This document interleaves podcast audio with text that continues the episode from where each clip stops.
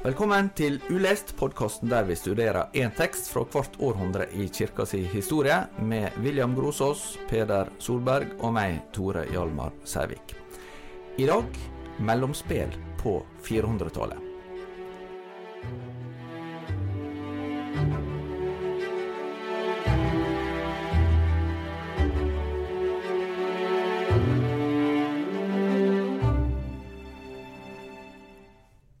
De som har fulgt podkasten vil forstå, så har vi i dag eh, tatt et lite steg til side, rett og slett for å kunne bygge bru til det vi skal snakke om videre. Hvorfor var det nødvendig, Vilja? Vi har laga 400-tallsepisoden vår. Vi juksa litt og tok Augustins bekjennelser, som var skrevet rett før 400-tallet. Men det betyr at hvis vi liksom skal holde flyten i tankerekkene i, i debatten om hvem Jesus er, som kommer, så kan vi ikke gå utenom Eh, konsilene og de store de kristologiske debattene som foregikk nettopp på 400-tallet. Så vi må ha en episode om det. Um, hvis vi skal gi litt sånn uh, starthjelp til de som ikke forbinder så mye med disse konsilene på 400-tallet, Peder, så, så, kan du gi oss uh, litt sånn oversikt. Ja, altså Vi har snakka tidligere om kirkemøtene på 300-tallet. Uh, hvor det var mange kirkemøter. Det er to av de som er blitt stående som de store økumeniske konsilene i Nikea og Konstantinopel. Hvorfor kalles de økumeniske, Peder? Fordi at det er verdensomspennende. Det er, det er et forsøk på å samle rett og slett alle biskopene, altså alle menighetslederne for alle menighetene i hele verden, uh, intet mindre, som ja. skal samles for å bli enige om hvordan forstår vi disse grunnleggende uh, tingene når det gjelder Gud, når det gjelder hvem Jesus var. Uh, så dette begynte jo allerede før Konstantin også, man, men da klarte man ikke å samle alle. Men, men etter hvert så blir dette en slags sånn eh, institusjon, nærmest, i kirken. At man samles for å bli enige der hvor det er uenigheter eller kontroverser. Og så fortsetter dette på 400-tallet. Når du snakker om hele verden, så er dette Romerriket? Det er Romerriket, men også utenfor Romerriket. Det kommer noen fra de persiske områdene, altså syriske kristne også, men der er det jo litt mer komplisert, da. Uh, og det er nettopp noe av det som blir uh, Hva skal jeg si Noe av det vanskelige på 400-tallet. At uh, du får faktisk varige splittelser etter de store kirkemøtene som, som anerkjennes av, innenfor det romerske riket, først og fremst, i løpet av det århundret der. Ja, Jeg kan ta et aktuelt eksempel som kanskje mange av lytterne våre vil kjenne til. I dag så hører vi fra tid til annen om koptiske kristne i Egypt, som er da et eget kirkesamfunn. Koptisk betyr egentlig bare egyptisk. Men de er jo et resultat av eh, Eller deres eh, tradisjon er et resultat av det som vi snakker om her. Det kan være litt vanskelig forvirrende når vi snakker om ortodokse kristne. Da kan vi høre om arameiske, syrisk-ortodokse eller eh, etiopisk-ortodokse. Men et skille som noen ganger gjøres, det er at man skiller mellom orientalsk-ortodokse kirker og bysantinsk-ortodokse kirker. Og det egentlig handler om de bysantinske. Det er de som, som ble innafor den kirken som, som, var keiserens kirke gjennom eh, Østkirken gjennom det vi kaller middelalderen. Mens de kirkene som eh, eh brøt ut av det fellesskapet, de kaller vi ofte for de orientalske kirkene. Og de skal vi lære etter hvert brøt i to retninger, og det handlet eh, om eh, de spørsmålene som ble aktuelle på 400-tallet. Og hva spørsmål var det en diskuterte? Han diskuterte hvordan man skulle forstå forholdet mellom det guddommelige og menneskelige i Jesus. Og Hvordan er Jesus én person, eh, samtidig som han er fullt og helt Gud og menneske. Eh, og på samme måte som treenighetsteologien eh, handler om spørsmål som egentlig overgår vår forstand, altså vi forsøker å sette ord på, språk på noe som, som er større enn oss, sant? så er også dette mysteriet hvordan Jesus er Gud og, og menneske fullt og helt, og samtidig én person. Det er noe som jeg tror alle skjønner, det er ikke så lett å, å finne de presise ordene på dette. Fordi, som, som, vi sier, altså det er et mysterium. Det er uh, over vår forstand. Men hva var det de var uenige om, William? Altså, hvis man kan liksom tenke 300-tallet, hvis man skal gjøre det veldig enkelt da. Så 300-tallet så handler spørsmålet om forholdet mellom Jesus, som er Guds sønn, og hans far, som er Gud. Er Jesus på det skapte siden, eller er han på den uskapte siden av en slags kløft mellom det skapte og det uskapte? Det er liksom den 300-tallets store debatt. 400-tallet, da har man etablert at Jesus er Guds eh, sønn og Gud. Men hvordan er forholdet mellom den, det at Jesus er Gud, Jesus er menneske i Jesus? Hvordan kan disse to tingene leve samtidig i Jesus? Kan man f.eks. si at Gud døde? Kan man f.eks. si at Maria fødte Gud? Kan man f.eks. si at eh, Jesu menneskelighet kunne gjøre mirakler? Eh, hvordan er forholdet mellom det guddommelige og det menneskelige? Og det spørsmålet er ikke bare et lite spørsmål. Det handler om hva er forholdet mellom Gud og skapelsen, eller hva er forholdet mellom eh, våre sanser og det åndelige? Hvordan er forholdet mellom eh, kropp og sjel? Hvordan er forholdet mellom eh, så, så, så liksom, Hver gang vi snakker om Jesus i teologihistorien, altså hvem Jesus var, hvordan vi skal forstå eh, Jesus, så snakker vi om absolutt alle ting.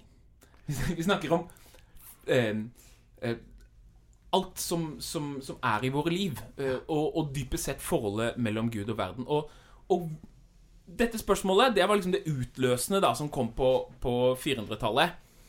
Kan vi kalle Maria ikke bare for Jesu mor, for vi, Maria har jo født Jesus fra Nasaret, hans menneskelighet, og Jesus fikk sin menneskelighet av Maria. Alle si, genene til, til Jesus fra Nasaret er jo fra Maria. Men kan vi si at Maria ikke bare fødte Jesu menneskelighet, men også hans guddommelighet? Kan vi kalle henne for Theo, det betyr Gud. Tokos betyr føderske, eller bærer, eller, eller den som, som, eh, føder frem. Kan vi kalle henne for Theotokos? Føder Maria, som åpenbart er et menneske, Gud. Og eh, arvingen til Atanasius vi må, vi, må, prøve å lage et kart inni, inni, hodet. Et kart, et kirkepolitisk kart. Vi har fem store byer som Og alt vi skal snakke om i denne episoden, er egentlig kirkepolitikk som handler om forholdet mellom disse fem byene. Og Disse fem byene det er Roma i vest. Der snakker de latin, og der sitter paven. Og så har du Konstantinopel, i det som i dag er Istanbul. Eh, I dagens Tyrkia, som er eh, nummer to by. Og der eh, sitter keiseren. Og så har du Antiokia, som eh, ligger grensen mellom Syria og Tyrkia. Og så har du Jerusalem, og så har du Alexandria. Nå sa jeg rekkefølgen litt feil, for Alexandria var den tredje viktigste. Alexandria var jo i Egypt. Og Forholdet mellom disse byene og kulturen, den teologiske og kirkepolitiske kulturen i disse byene eh, Og det er, det er, en maktkamp, både teologisk og politisk. Så hvordan skal man kalle disse byene? Jeg liksom kanskje er Alexandria er liksom Los Angeles. Der er liksom økonomien Ideene skapes. Mens eh, eh, Kanskje vi skal kalle øh, Konstantinopel for Washington, da. Der sitter maktfolka. Der er den reelle makten, men det skapes ikke så mye der. ikke sant? Og så har du Antiokia, kanskje du skal kalle det for New York, da. det er ikke så altfor langt unna Washington, men det er Og det er en veldig sånn verdensmetropol med veldig mye som beveger seg gjennom. og og, og, kanskje vi skal kalle Jerusalem for liksom Florida eller et eller annet sånt som er litt sånn i utkanten. Hva vi skal kalle Roma, vet jeg ikke. Den beste sammenligningen jeg kan komme på, er kanskje liksom kalle det London. Ja. For de har et annet språk, og de har veldig gamle tradisjoner og liksom eh, Og så har du disse fem byene, ikke sant? Du har Alexandria, som er Los Angeles. Her kommer ideene, økonomien. Og så har du Konstantinopel. Her sitter makta. Og så har du Antiokia, og så har du Roma. Og det å holde alle disse fem byene sammen, som, som hver på seg på en måte representerer teologiske skoler, kulturer eh, eh, Det er den eh, store vanskeligheten, og det er dette som bryter opp på 400-tallet. Og samtidig som du Jeg syns analogien din er ganske god. Eh, og samtidig som du beskriver dette kirkepolitiske bildet, så er det også, som du var inne på, det handler ikke bare om politiske spørsmål. Altså, det, vi, vi er uh, vi er jo i en debatt som går på dypet av hvem vi er som menneske. Altså hvem er jeg som skapt i Guds bilde? For disse kristologiske debattene de handler ikke bare liksom om ja, hvordan skal vi forstå dette liksom teologiske kartet, men det handler om hvordan skal jeg forstå hvem jeg er, skapt i Guds bilde, som Jesu bror. Eh, og vi har allerede fra Gregor Nassian så har vi denne tanken om altså det Jesus ikke har tatt på seg av menneskelighet, er heller ikke frelst. Eh, altså, Det er et sånn utsagn som han har. fordi hvordan skal jeg forstå at hele jeg er frelst? Jo, det må henge sammen med at Jesus har tatt på seg hele min natur. Og forent den med Gud, sånn at jeg også kan forenes med Gud. Sant? Så, så selv om dette foregår i et sånt som William er inne på, et, et eh, språklig, eh, politisk landskap som vi må ha øye for, så er det samtidig Det står helt sånn eksistensielle, dype ting på spill, da.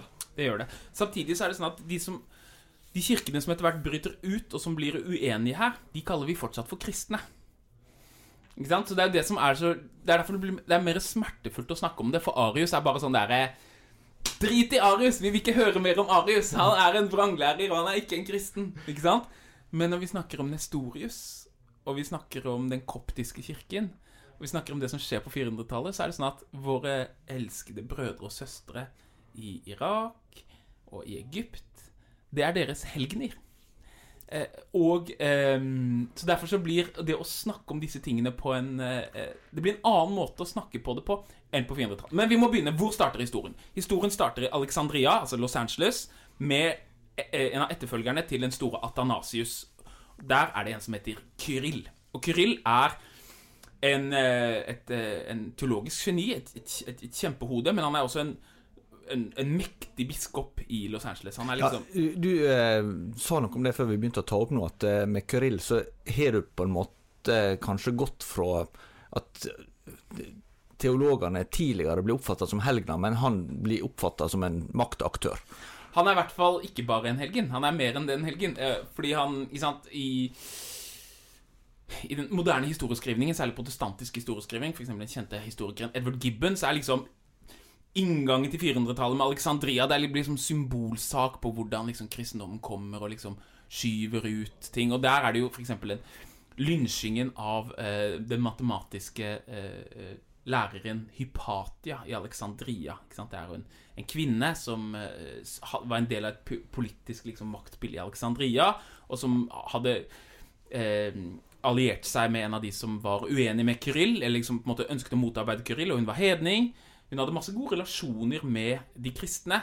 Eh, men hun ble da altså lynsja av en mobb, og ettertiden har liksom prøvd å knytte dette til Kyrill og si at det var egentlig Kyrill som sto bak det. og sånne ting. Det er det ingen beviser for.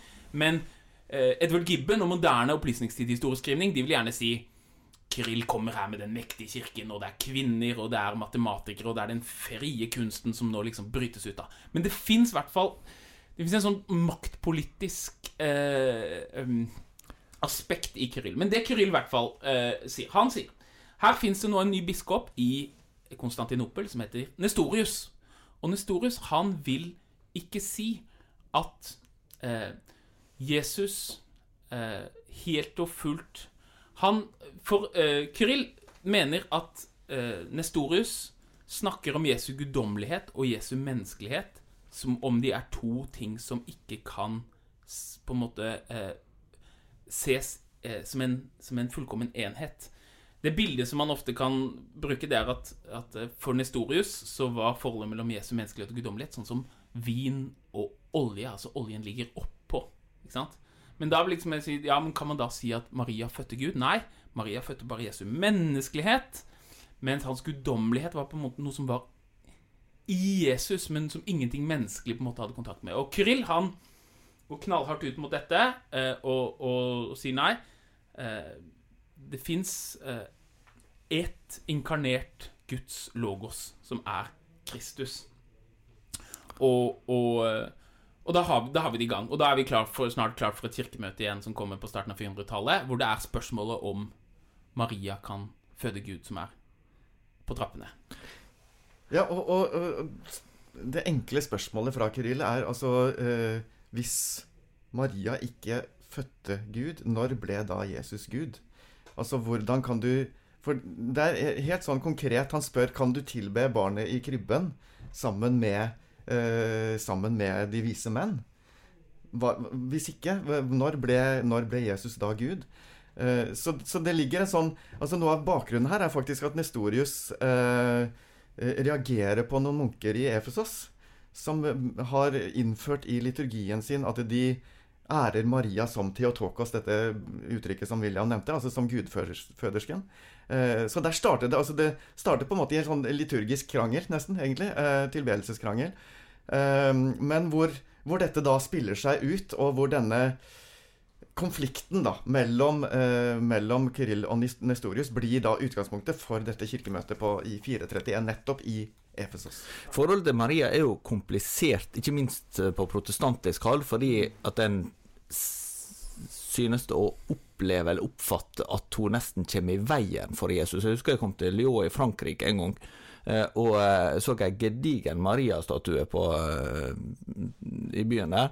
Og så, og så får en av og til en følelse at det, det, det, er Maria som står i sentrum, og ikke Jesus. Mm. Og, og, at det blir, og at det også blir en slags guddommeliggjøring av Maria, som, som en opplever ja, er, er dette her egentlig i samsvar med det som Bibelen sier? Og så kan en på motsatt side si er det blitt en slags overkorreksjon, der Maria si eh, Fordi en opplever at Marias rolle er blitt eh, overdreven eller, eller for, fått en for høy status i f.eks. katolsk sammenheng, så vil en i protestantisk sammenheng underbetone Marias betydning.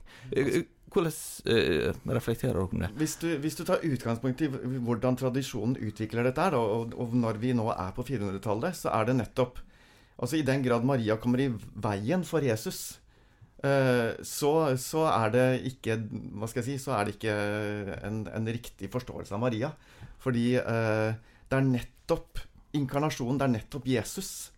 Og hvem han er, som er utgangspunktet for hvordan man snakker om Maria, og hvordan man forstår Marias rolle, både som den hun er som fødte Jesus, men også som den hun er som en representant for hva man i ortodoks tradisjon vil si alle kristne skal være, nemlig vi skal også som Maria bringe Jesus til andre, altså til verden. Altså Jesus skal fødes i våre liv, så å si. Som apropos denne julesalmen som vi har fra Brorson, med, med 'Mitt hjerte alltid vanker', hvor han, hvor han til slutt sier, snakker om Altså?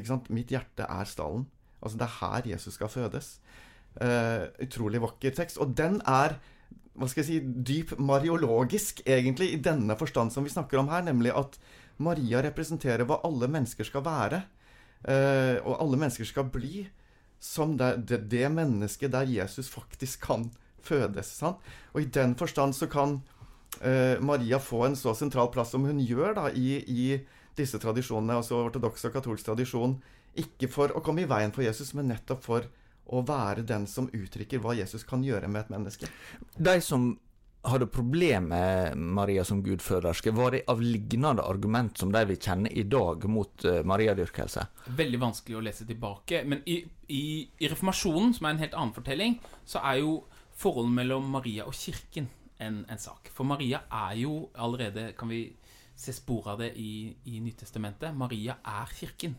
For Maria, hvem er kirken? Kirken er jo de som føder Kristus til verden. Som, som, som blir Den hellige ånd eh, Gjør oss havende med Kristus, og vi skal vise verden Kristus. Så Den hellige ånd og Maria og kirken er nesten ett i Nytestamentet. Altså Det er veldig vanskelig å holde de tingene fra hverandre når du ser på Johans åpenbaring kapittel 13, f.eks., når du ser på Lukas. Det er fordi de er så symbolsk tett vevd sammen. Um, og i, i, i, protestantismen så blir jo også derfor at Maria blir også eh, kirken som man bryter ut av. Det er noe symbolsk der. Og den voldsomme på en måte dyrkingen av Maria kan veldig fort, i hvert fall hvis kirken blir en maktspiller, oppfattes som en dyrking av den politiske kirkestrukturen.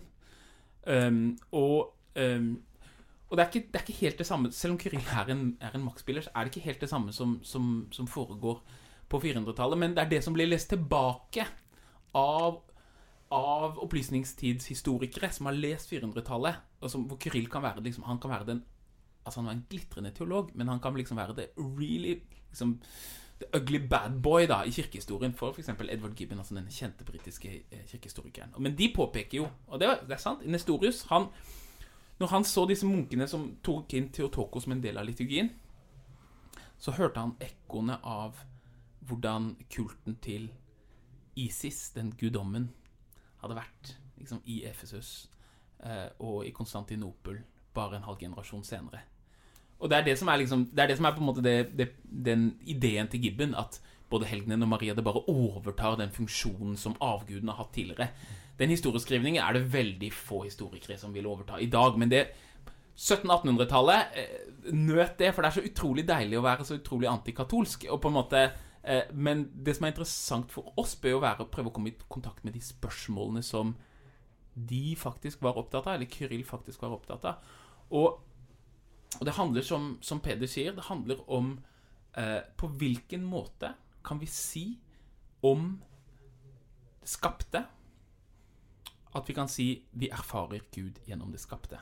Og hvis Maria ikke føder Jesus, så er det en vegg mellom det menneskelige og guddommelige Jesus som gjør at det guddommelige alltid vil bare være liksom en, en ekstra ting i de tingene vi erfarer.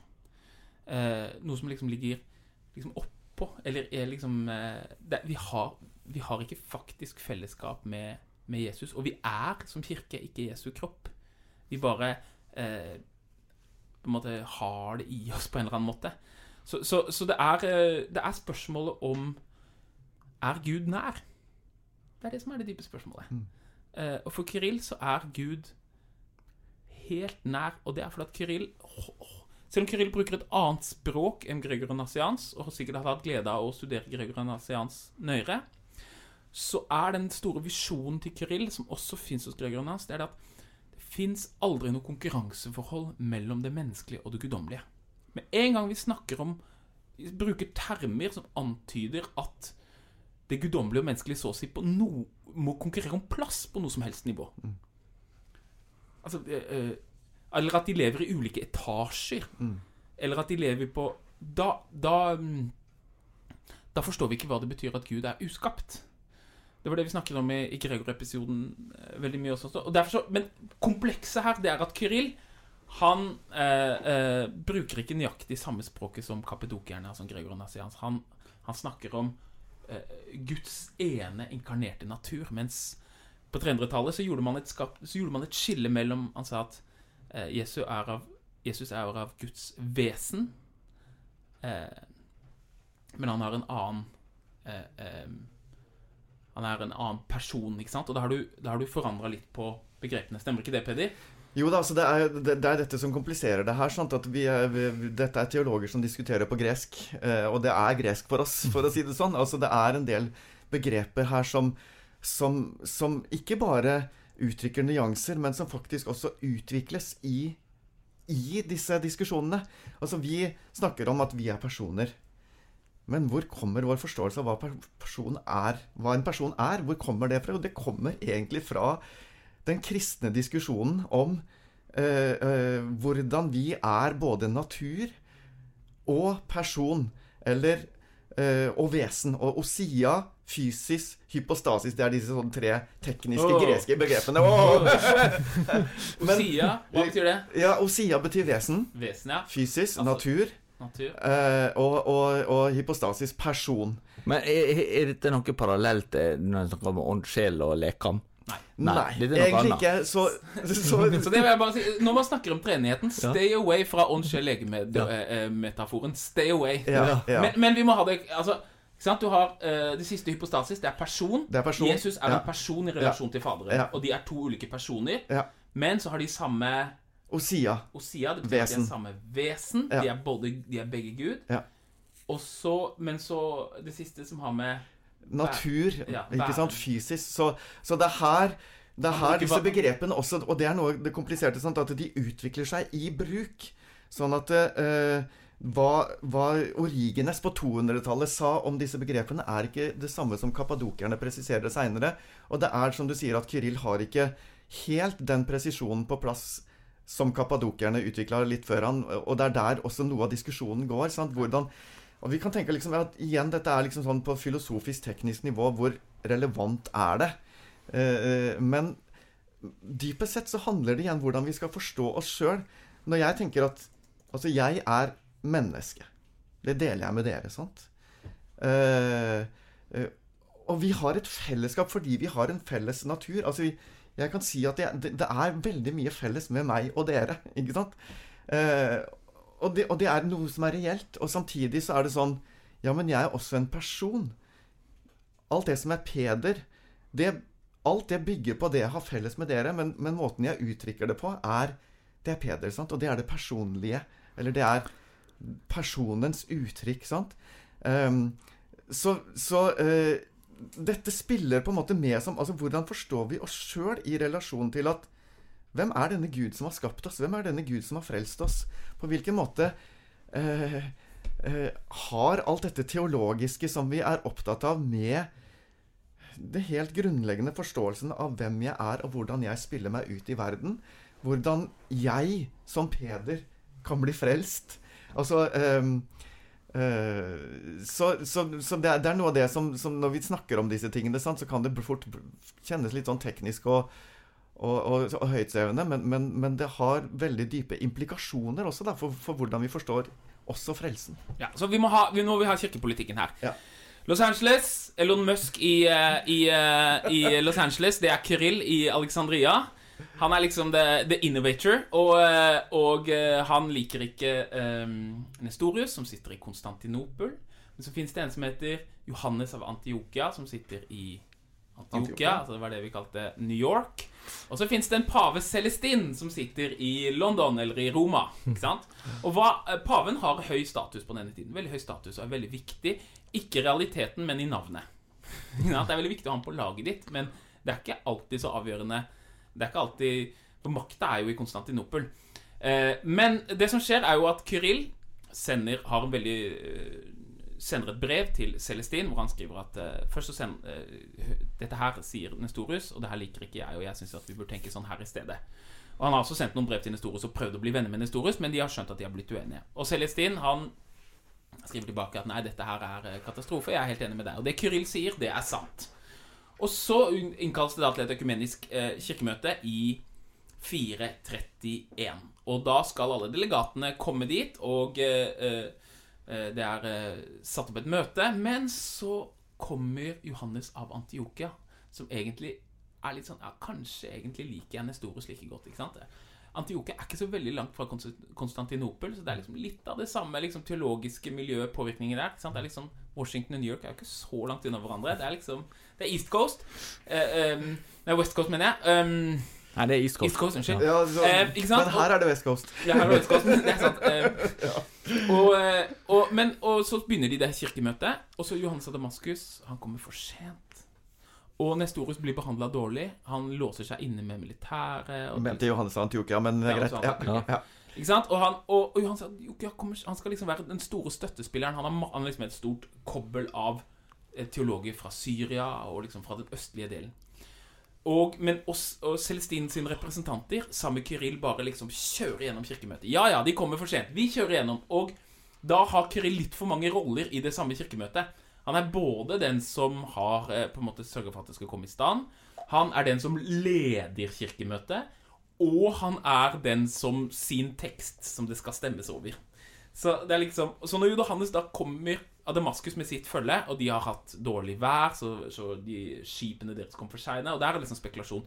Kommer han med vilje for å sabotere kirkemøtet, eller kommer han for sent fordi han av, av, fordi rett og slett at det var dårlig, dårlig vær. Det vet vi ikke. Men konsekvensen er jo at når Johans av Damaskus, denne svære Antiokia, Antiokia Ikke sant? Når New York-delegasjonen kommer til Washington, eh, så har Los Angeles-delegasjonen allerede nesten ferdig.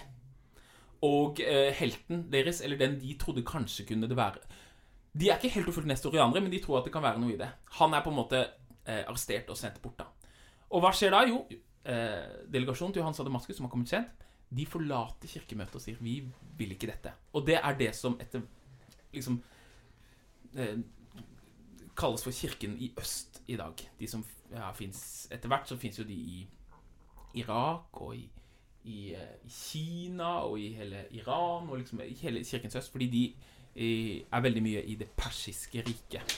Eh, som er i ferd med å utryddes fra de områdene. Men eh, de kalles fra liksom, vestlig perspektiv kalles de for nestorianere. Men det er jo et eh, elendig navn og et, et, et, ganske nedlatende navn, fordi de, de, vil, de, kaller seg ikke det selv. De kaller seg selv Kirken i øst. Og de tenker altså at forholdet mellom Jesus og Det har jeg hørt en eh, Kirken i Østens biskop selv si mellom det guddommelige og menneskelige Jesus, det er som forholdet mellom olje og vann. Altså, de er De er på en måte atskilt. Og det er på en måte en seier for eh, Kanskje for Kyril, men at what cost? Du har brukket av en stor del av kirken, og for keiseren er jo det egentlig en, en, en stor krise, selvfølgelig. Eh, og eh, Så da eh, eh, Kyrill reiser tilbake. Kyril fortsetter å skrive eh, brev og fortsetter å ha denne liksom voldsomme statusen. Eh, men så kommer det eh, eh, nye paver, nye keisere, eh, og eh, Og blant annet så får du i, i Kryll dør i, i altså 13 år etter dette kirkemøtet i 431. Og etter han så får du en som heter Dioskoros. Og Dioskoros han har vært assistenten til Kyrill hele livet. Og han er en eh, Det er mulig, for det er ikke bare om mulig, en verre maktpolitiker enn Kyril. Han er liksom Det, det fins fortellinger om han om hvordan han liksom fikk til eh, tak i penger og bla, bla, bla. bla, bla, bla, ikke sant? Og han er en sånn maktspiller. Og han får til et kirkemøte i eh, 449, eh, hvor paven ikke har blitt invitert. Der man skal prøve å få opp Dioskoros vil ha makt i Konstantinopel. Og eh, Flavian, biskopen i Konstantinopel, han eh, blir arrestert på dette kirkemøtet, for de mener at han er for nestoriansk. Eh, og denne Dioskorus han løfter frem skriftene til en munk som heter Eftykes, som sier at nei, forholdet mellom det guddommelige menneskelige Jesus det kan man si er forholdet mellom vin og vann. Altså de Etter, etter inkarnasjonen så kan vi bare snakke om én natur. Vi kan ikke snakke om Jesu menneskelighet og guddommelighet som to forskjellige ting. Det er bare én natur etter inkarnasjonen. Og da mente eh, Dioskorus at dette var jo det Kyril alltid sagt. Eh, og da, men da kommer det igjen paven. Som, som, da er det en ny pave, og han heter Leo den store. En veldig viktig kirkehistoriker. Og han skriver et, et brev. Han kaller denne synoden, der denne biskop Flavian ble liksom banka opp og tatt bort. Og hvor Dioskoros liksom Han kaller det for røversynoden. Det kalles for røversynoden. Han sier at dette går ikke, og han skriver et brev som kalles The Tome of Leo. En veldig viktig tekst. Han, Leos brev, rett og slett. Leos brev. Ja. Der han eh, utlegger eh, eh, hvordan han forstår kristologien. Og da er ikke trusselen lenger på en måte mot nestoranisme, altså at man er redd for at det er for stor avstand mellom det menneskelige og guddommelige Jesus. Nå er trusselen, slik Leo ser det, at avstanden blir helt borte. Og Leo har noen formuleringer der som eh, eh, Han sier f.eks. At, eh, at når Jesus reiser ut Lavsarus av graven, så er det hans guddommelighet som gjør det. Og når han gråter, så er det hans menneskelighet. Og det språket ah, Ok, kanskje, kanskje hadde Kyrill likt det. Jeg vet ikke. Men det blir i hvert fall et nytt kirkemøte, som er det andre store kirkemøtet. Du har Efesus i 431, der spørsmålet er eh, Hvor man på en måte fordømmer Nestorius, altså at det er for stor avstand mellom menneskelig og guddommelig Jesus. Og så har man Kalkedon i 451, der man fordømmer eh, Eftykes, eh, som er da den koptiske egyptiske kirke, som mener at det er for at man har helt oppløst avstanden mellom guddommelige menneskelige Eller man ikke kan snakke om det på lenge måte. Ja, det er det en kaller monofysitta. Yes, det, det, det, det, det, tror det er samme som nestorianisme. Det er et sånt begrep som man bruker når man ikke liker det. Men som vi ikke, du bør ikke kalle en kopter i dag monofisitt. De liker ikke det begrepet. Eh, og du, på samme måte som at ikke du skal kalle en i, i, i Østens kirke for eh, nestorianere. Men det er liksom det er to sider av Kalkedom. Og Kalkedom ender med en bekjennelse som er en slags en sånn, eh, et forsøk på å binde sammen en slags en teologisk Jeg vil ikke kalle det kompromiss, men, men det man ender med, det er jo å eh, legge vekt på hva man ikke kan si, istedenfor å legge vekt på eh, hva man kan si. Mm. Eh, og her er det jo altså du, Nå har du gitt et godt bilde av det historiske og politiske landskapet. sant? Og samtidig så er det Du kalte Antiokia for New York, gjorde du ikke det? Jo. Eh, og, og det er også et godt bilde i den forstand at det er jo store deler av kirken som eh, som snakker et annet språk, men som ser til kirken i Antiokia som sin, sitt utspring, så å si. Eh, og det er jo alle de syriske kirkene. Og som også da i stor grad utbedrer seg i helt andre imperier. Sant? Altså nettopp i det persiske imperiet, blant annet. Og det er, det er dette spillet ikke bare mellom politikk og språk. Hvis du reiser til Syria selv i dag, så vil de si um, uh, De snakker om de, de bysantinsk-ortodokse, som du snakka om i stad, eh, som de romersk-ortodokse. Fordi det er de, det er de romerske kristne. Um, så, uh, så vi har dette spillet da, ikke sant, mellom det de, disse motsetningene mellom de teologene i Alexandria, Konstantinopel, delvis Antiokia, og så har du også da det språklige og politiske eh, større bildet eh, som, som spiller inn her, sant. Eh, og når da disse eh, begrepene avklares på et vis, eh, som da For å bruke Kal Kalkedons eget språk Altså når vi snakker om Jesu to naturer, så er det uten sammenblanding, uten forandring, eh, udelelig, uatskillelig. Altså, vi må holde fast på at det er en guddommelig og en menneskelig natur i Jesus, mot eh, Eutykes sammenblanding av det. Ikke sant? Eh, og eh, uten at disse naturene forandres på noen måte, blir en slags amalgam, en slags sånn der, en, en ny natur. Det er to naturer. Men samtidig så kan du heller ikke skille dette fra hverandre som Nestorius gjorde. Du kan ikke uh, si at det guddommelige og det menneskelige kan, kan uh, snakkes om uavhengig av hverandre. Uh, så dette er Kalkidans forsøk på å liksom sy dette sammen, da. Og si noe som du, som, som du er inne på, William. Altså bare si hva man ikke kan si. For alle disse språkene, alle disse unnskyld, begrepene, de, de, eh, de starter på U på norsk. Ikke sant? Altså, eller A eh, på alfa på, på gresk. Altså det er det vi ikke kan si. Det som er uriktig om Jesus. Så bare dette kartet igjen, ikke sant? Nå i 431 så brekker kirken i Antiokia, altså New York, brekker av. Mens i 451 i Konstantinopel Nei, Kalkidon, mener jeg. Så brekker Los Angeles av, altså Alexandria-kirken av. Eh, og det er fordi at på grunn av Leos brev, Leo den stores brev Leo er jo eh, den Altså, Jeg mener jo at pavedømmet har aldri på en måte vært kraftigere et, altså etter, etter Konstantin så har paven Han er en av de liksom Han er en av de beste, beste pavene som har vært, tror jeg. Eh, det er jo han som gikk og møtte Attila. Og prøvde å, å, å fikk Attila til å liksom roe seg. Og møtte Attila når han kom med hæren sin for å prøve. Men det var 20 år senere. Hunderne. Kom Ja. for å ta romerne, så gikk han. Ja. Så han var, og har skrevet fantastisk mye tekst. Det er en flott tekst, men keiser eh, er vel Theodosius den første eller sånt nå. Jeg husker ikke akkurat hva keiseren het, men keiseren i 451 Han må velge eh, Los Angeles eller London. Eller, eller eh?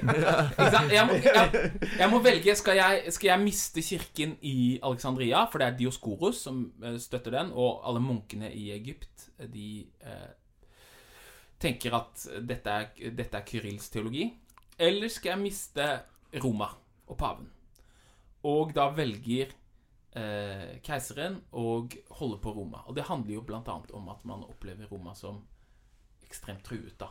Eh, og ehm, For man mister jo ikke den politiske kontrollen eh, likevel. Men dette er de konsekvensene eh, som, som kommer av disse konfliktene. Og det er ingen det er, Selv om jeg syns eh, Kalkidon Kyrills og Kalkidon er flott teologi, og jeg mener at vi bør si Gud fødersken. Ingen tvil. Og det er flotte formuleringer disse her inne. Så er historien er litt trist. Eh, fordi konsekvensen av den er så trist. Eh, og eh, særlig den der eh, avbrekket av Alexandria, altså den koptiske kirke.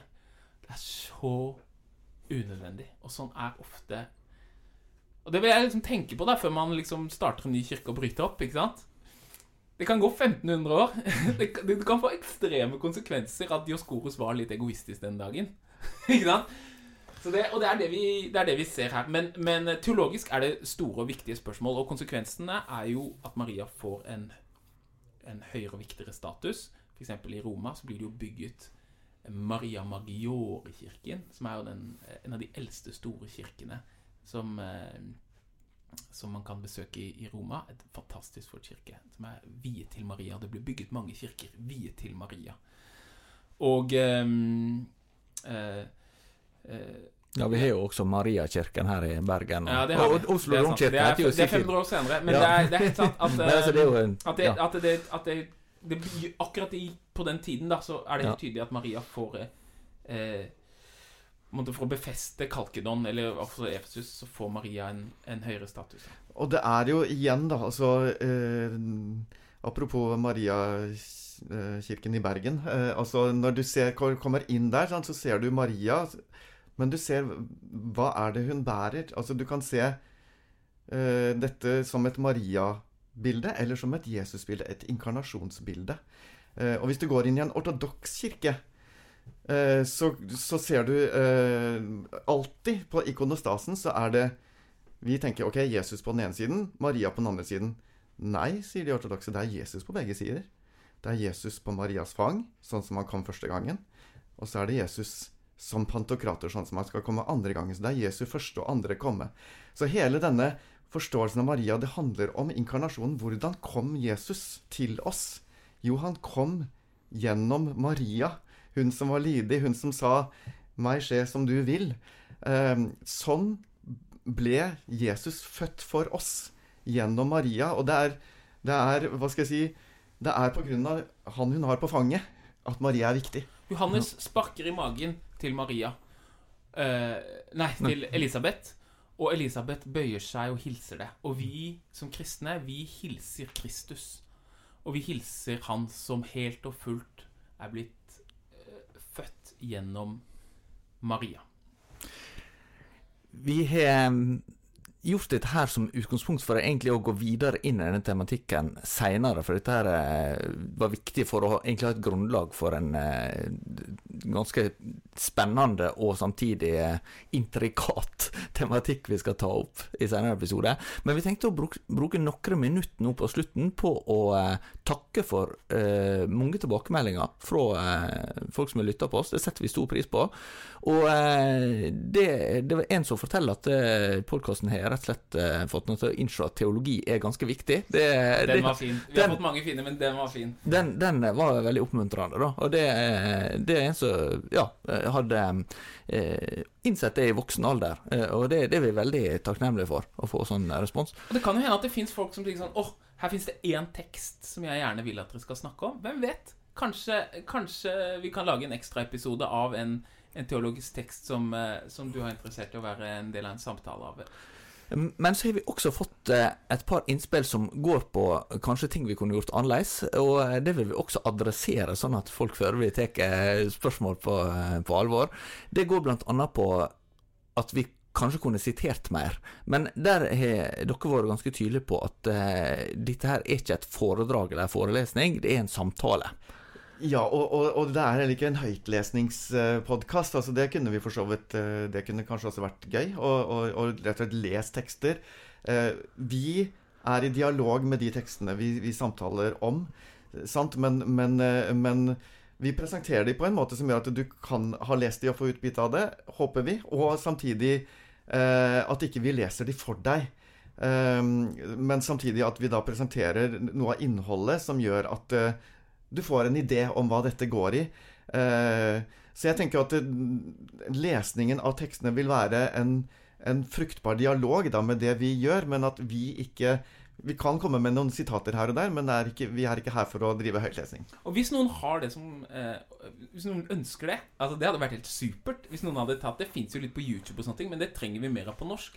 Hvis noen vil lese inn Didaché, f.eks., eller lese inn eh, eh, Augustins bekjennelser Gjør det! Gjør det! Absolutt. Og send oss eh, link. Send oss link. ja. eh, dette her er en episode som folk kan høre på på litt forskjellige tidspunkt, men vi spiller den inn rett før jul. Og som en avslutning har vi derfor valgt å legge inn et lite dikt. Kan du fortelle litt om det, William? Altså, Julian Misik er en uh, kunstner, musiker, poet som uh, holder til her i, i Bergen. Uh, som mange som bor her i Bergen, kjenner til. Og han, han har skrevet et dikt eh, som, Og denne gangen Dette holdt han rett før jul, når vi hadde denne live-episoden. Eh, ja, og den kommer seinere ja. Og det er, et, det er, et, opptak, og det er et juledikt. Og det, eh, det, er vel verdt å få med seg. Så eh, da gir vi ordet til Julian. Jeg skal fremføre et lite juledikt som jeg har kalt Et lite juledikt. Glade, salige, hellige jul. Varme blikk og heismusikk og Deilige farger i hver butikk, og barn som aker, og mødre som baker. For hva er det jul uten pepperkaker og søtesaker og tindrende lys i prakkfulle staker? Og barnekor synger fred på jord, for nå er det født oss en konge stor. Ta plass, ta plass, både far og mor, og hev deres glass ved hvert julebord. For vår prektige, mektige, hellig andektige jul. Glade, salige, hellige jul. Et barn er født og drømmer søtt om røkelse, myrra og pinnekjøtt og julegleder og nisser på sleder og himmelhaller og krybber og staller og stjernen som blinker og snøen som faller og engler som kaller bak fjellet av gaver stablet på paller om tre vise menn, en jomfru og snekker Rosiner og boller i talløse rekker. Bøy kne, bøy kne, for tiden er inne å pynte sitt tre og spise sin pinne. O prektige, mektige, hellig, andektige jul. Glade, salige, hellige jul. Hver syndens trell skal settes fri. Gjør døren høy, gjør porten vid for utstillingsdukker og julebukker, for marionetter og legoraketter og fargepapir som man klipper og bretter. For fengende hitter og søte duetter, for himmelske tanker om tiden som venter, og høystemt ånd i ethvert kjøpesenter, og Frelsesarmeen som samler inn penger, så de fattige også skal få det de trenger. og prektige, mektige, hellig, andektige jul. Men kanskje vil guddommen først fylle sinnet når kun noen smuler gjenstår av kaken. Og kanskje vil Betlehemstjernen først skinne når resten av voksen har smeltet på staken. Og kanskje vil englene samle sitt kor når julemusikken til slutt svinner hen og kanskje en kongesønn gjester vår jord, når natten og stillheten møtes igjen.